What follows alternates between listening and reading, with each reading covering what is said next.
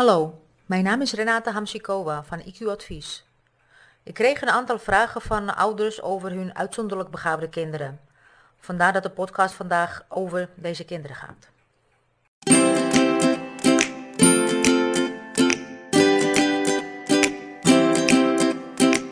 Uitzonderlijk begaafde kinderen zijn kinderen die op een IQ-test 145 of meer scoren, of waarvan men vermoedt dat ze uitzonderlijk begaafd zijn. Een ervaren specialist die veel uh, met hoogbegaafde kinderen werkt, kan namelijk een schatting maken zonder een IQ-test. Zo kan ik tegen ouders die bij mij komen voor een didactisch onderzoek vertellen of ik het vermoeden heb dat hun, uitzonderlijk, dat hun kind uitzonderlijk begaafd is. Nou sommige uitzonderlijk begaafde kinderen zijn namelijk heel moeilijk te testen met een standaard IQ-test. Daarom zijn mensen met uh, klinische kennis nodig die een schatting kunnen maken, zodat het kind toch begeleiding krijgt uh, wat het nodig heeft. Vergeleken met hoogbegaafde kinderen zijn de behoeften van uitzonderlijk begaafde kinderen extremer en het is nog belangrijker dat voldaan wordt aan, aan deze behoeften. Nou, in de praktijk betekent dit dat ouders zoveel mogelijk te weten moeten komen over uitzonderlijke begaafdheid, zodat ze positief, begrijpend en ondersteunend kunnen zijn. Het zijn ook kinderen die asynchrone ontwikkeling laten zien. Als gevolg van hun hoge cognitieve vermogens en hoge intensiteit ervaren ze en relateren ze tot de wereld op een unieke manier. Deze kinderen scoren meestal dus meer dan 140 IQ op een test. En uh, nou, of ze laten een buitengewone prestatie zien op het gebied van uh, wiskunde, taal of kunst of sociale vaardigheden, empathie, dat soort dingen.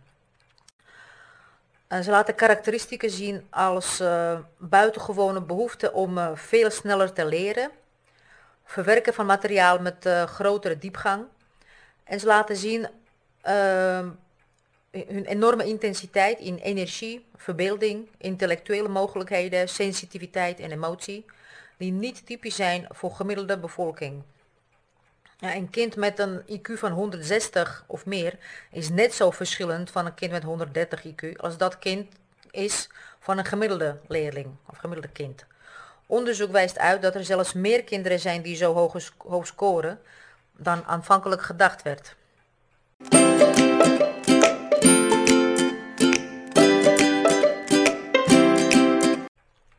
Nou, ik zal nu een paar vragen van ouders beantwoorden.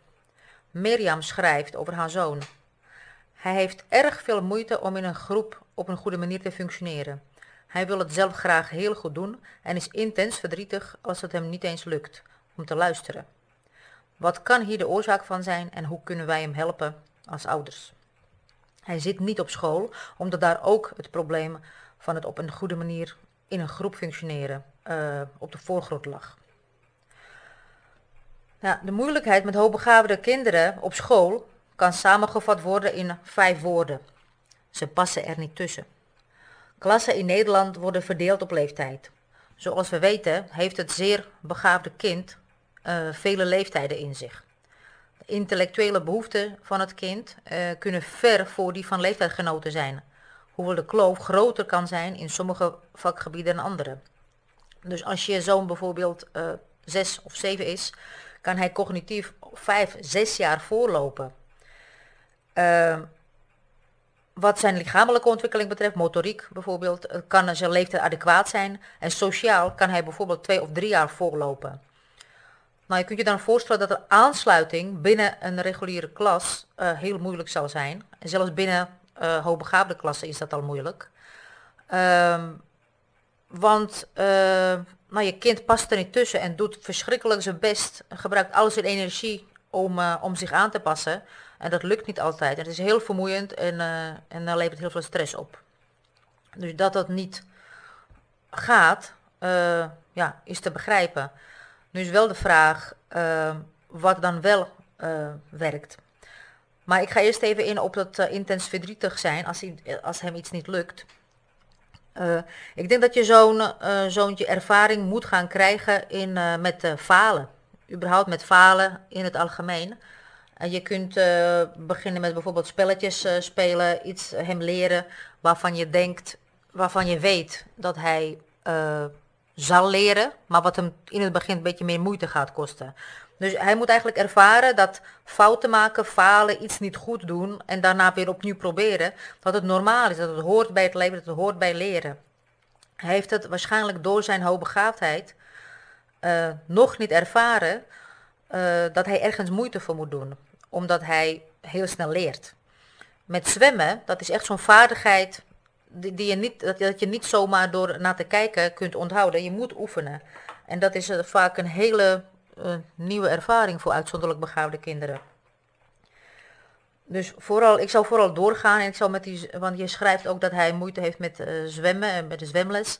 Ik zou daar ook uh, met die zwemjuf praten en, he, en haar vragen om hem uh, nou ja, rustig coachend te benaderen en positief aanmoedigen. En vooral zich richten op dingen die goed gaan, die hij goed heeft gedaan. En niet per se het zwemmen zelf, of als hij bijvoorbeeld hele uh, zwembad overzwemt, maar meer de, inzet, zeg maar. Hè. Zijn inzet om zijn uh, proberen, dat is uh, wat je moet prijzen. En niet dat hij 50 meter heeft gezwommen, want dat is een bijzaak. ik heb ook nog een vraag van Jantine. Die schrijft, mijn dochter met een IQ van 145 plus is extreem gevoelig, met name voor tijdsdruk. Het lezen kost haar, en wellicht ook mijn zoon, zoveel energie dat ze aan uh, veel uitdagender werk op haar fulltime HB-school nauwelijks toekomt. En dat levert veel nodige buikpijn op. Wat zijn jouw ideeën over de aanpak van dyslexie bij uitzonderlijk begaafde kinderen? Ja, nou, ook dyslectische kinderen, uh, hoogbegaafde kinderen kunnen dyslexie hebben natuurlijk, maar die, dat leerprobleem moet net zo behandeld worden als als uh, leerprobleem bij alle andere kinderen. Dus dat leerprobleem is er. Zij moet handvatten krijgen hoe daarmee om te gaan. Met een dyslexiecoach bijvoorbeeld, dyslexiespecialist. Zij moet tijd, meer tijd krijgen op school om haar toetsen te maken. En ze kan bijvoorbeeld in plaats van te gaan schrijven, gaan typen. Uh, typles krijgen, uh, tien vingers blind leren typen en haar werk uittypen.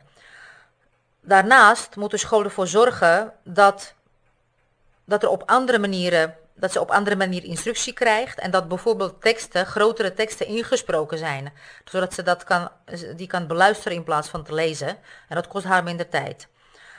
En het, de, werk moet zo ingericht zijn dat het haar niet meer tijd kost of niet meer dan nodig om, uh, om uh, opdrachten te lezen of te begrijpen, zodat ze wel aan haar uh, uitdagend werk komt. Want dat is wat ze nodig heeft. En die buikpijn van haar, dat komt waarschijnlijk doordat ze heel veel frustratie ervaart door het niet snel kunnen lezen, dus door haar dyslexie.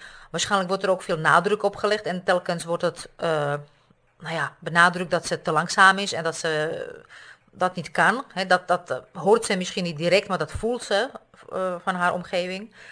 En uh, daar zou dus men heel anders mee moeten omgaan. Heel positief benaderen. Kijken naar de pluspunten. Wat kan je dochter heel goed? Daar zich op richten. En die dyslexie, natuurlijk moet die onderhouden worden. Ze moet daar tips bij krijgen en handvatten hoe verder.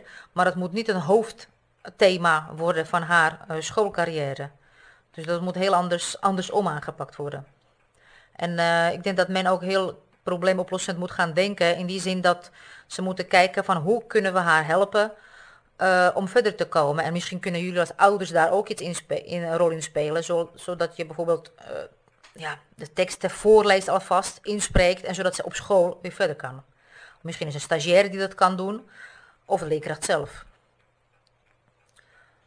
Oké. Nu heb ik nog een vraag van uh, Gwen. Bij doodtoetsen is gebleken dat mijn zoon Avi uit is. Begrijpend lezen uh, loopt hij ongeveer een jaar voor en rekenen loopt hij twee maanden voor en spelling twee maanden achter. Binnenkort krijgt hij tijdens schooltijd ondersteuning van de dame op school die uh, de kinderen met rugzakjes begeleidt. Uh, ze is volledig Montessori gecertificeerd. Ze heeft ervaring met hoogbegaafde kinderen, maar niet met uitzonderlijk begaafde kinderen en met beelddenkers. Uh, heb je tips voor haar om hen zo adequaat te begeleiden? Nou, ik moet zeggen, ik kan het niet zo 1, 2, 3 zeggen. uh, in, een, uh, in één antwoord. Ze zou, ik kan wel voorstellen dat zij een training bij mij komt volgen in maart. dat kan misschien wel. Maar wat vooral, vooral, belangrijk is, wat ik ook al eerder gezegd heb, die hoogbegaafdheid, of die uitzonderlijke begaafdheid, mag niet onderschat worden. En dus karakteristieken zijn leidend bij de begeleiding. Zo, kijk dat ze Montessori gecertificeerd is, is eigenlijk niet zo relevant. Wat wel belangrijk is, is dat zij uh, kijkt hoe hij leert. Hij leert waarschijnlijk in context en top-down. Uh, hij kan veel breder dingen begrijpen. Dus in een veel bredere context dan andere kinderen.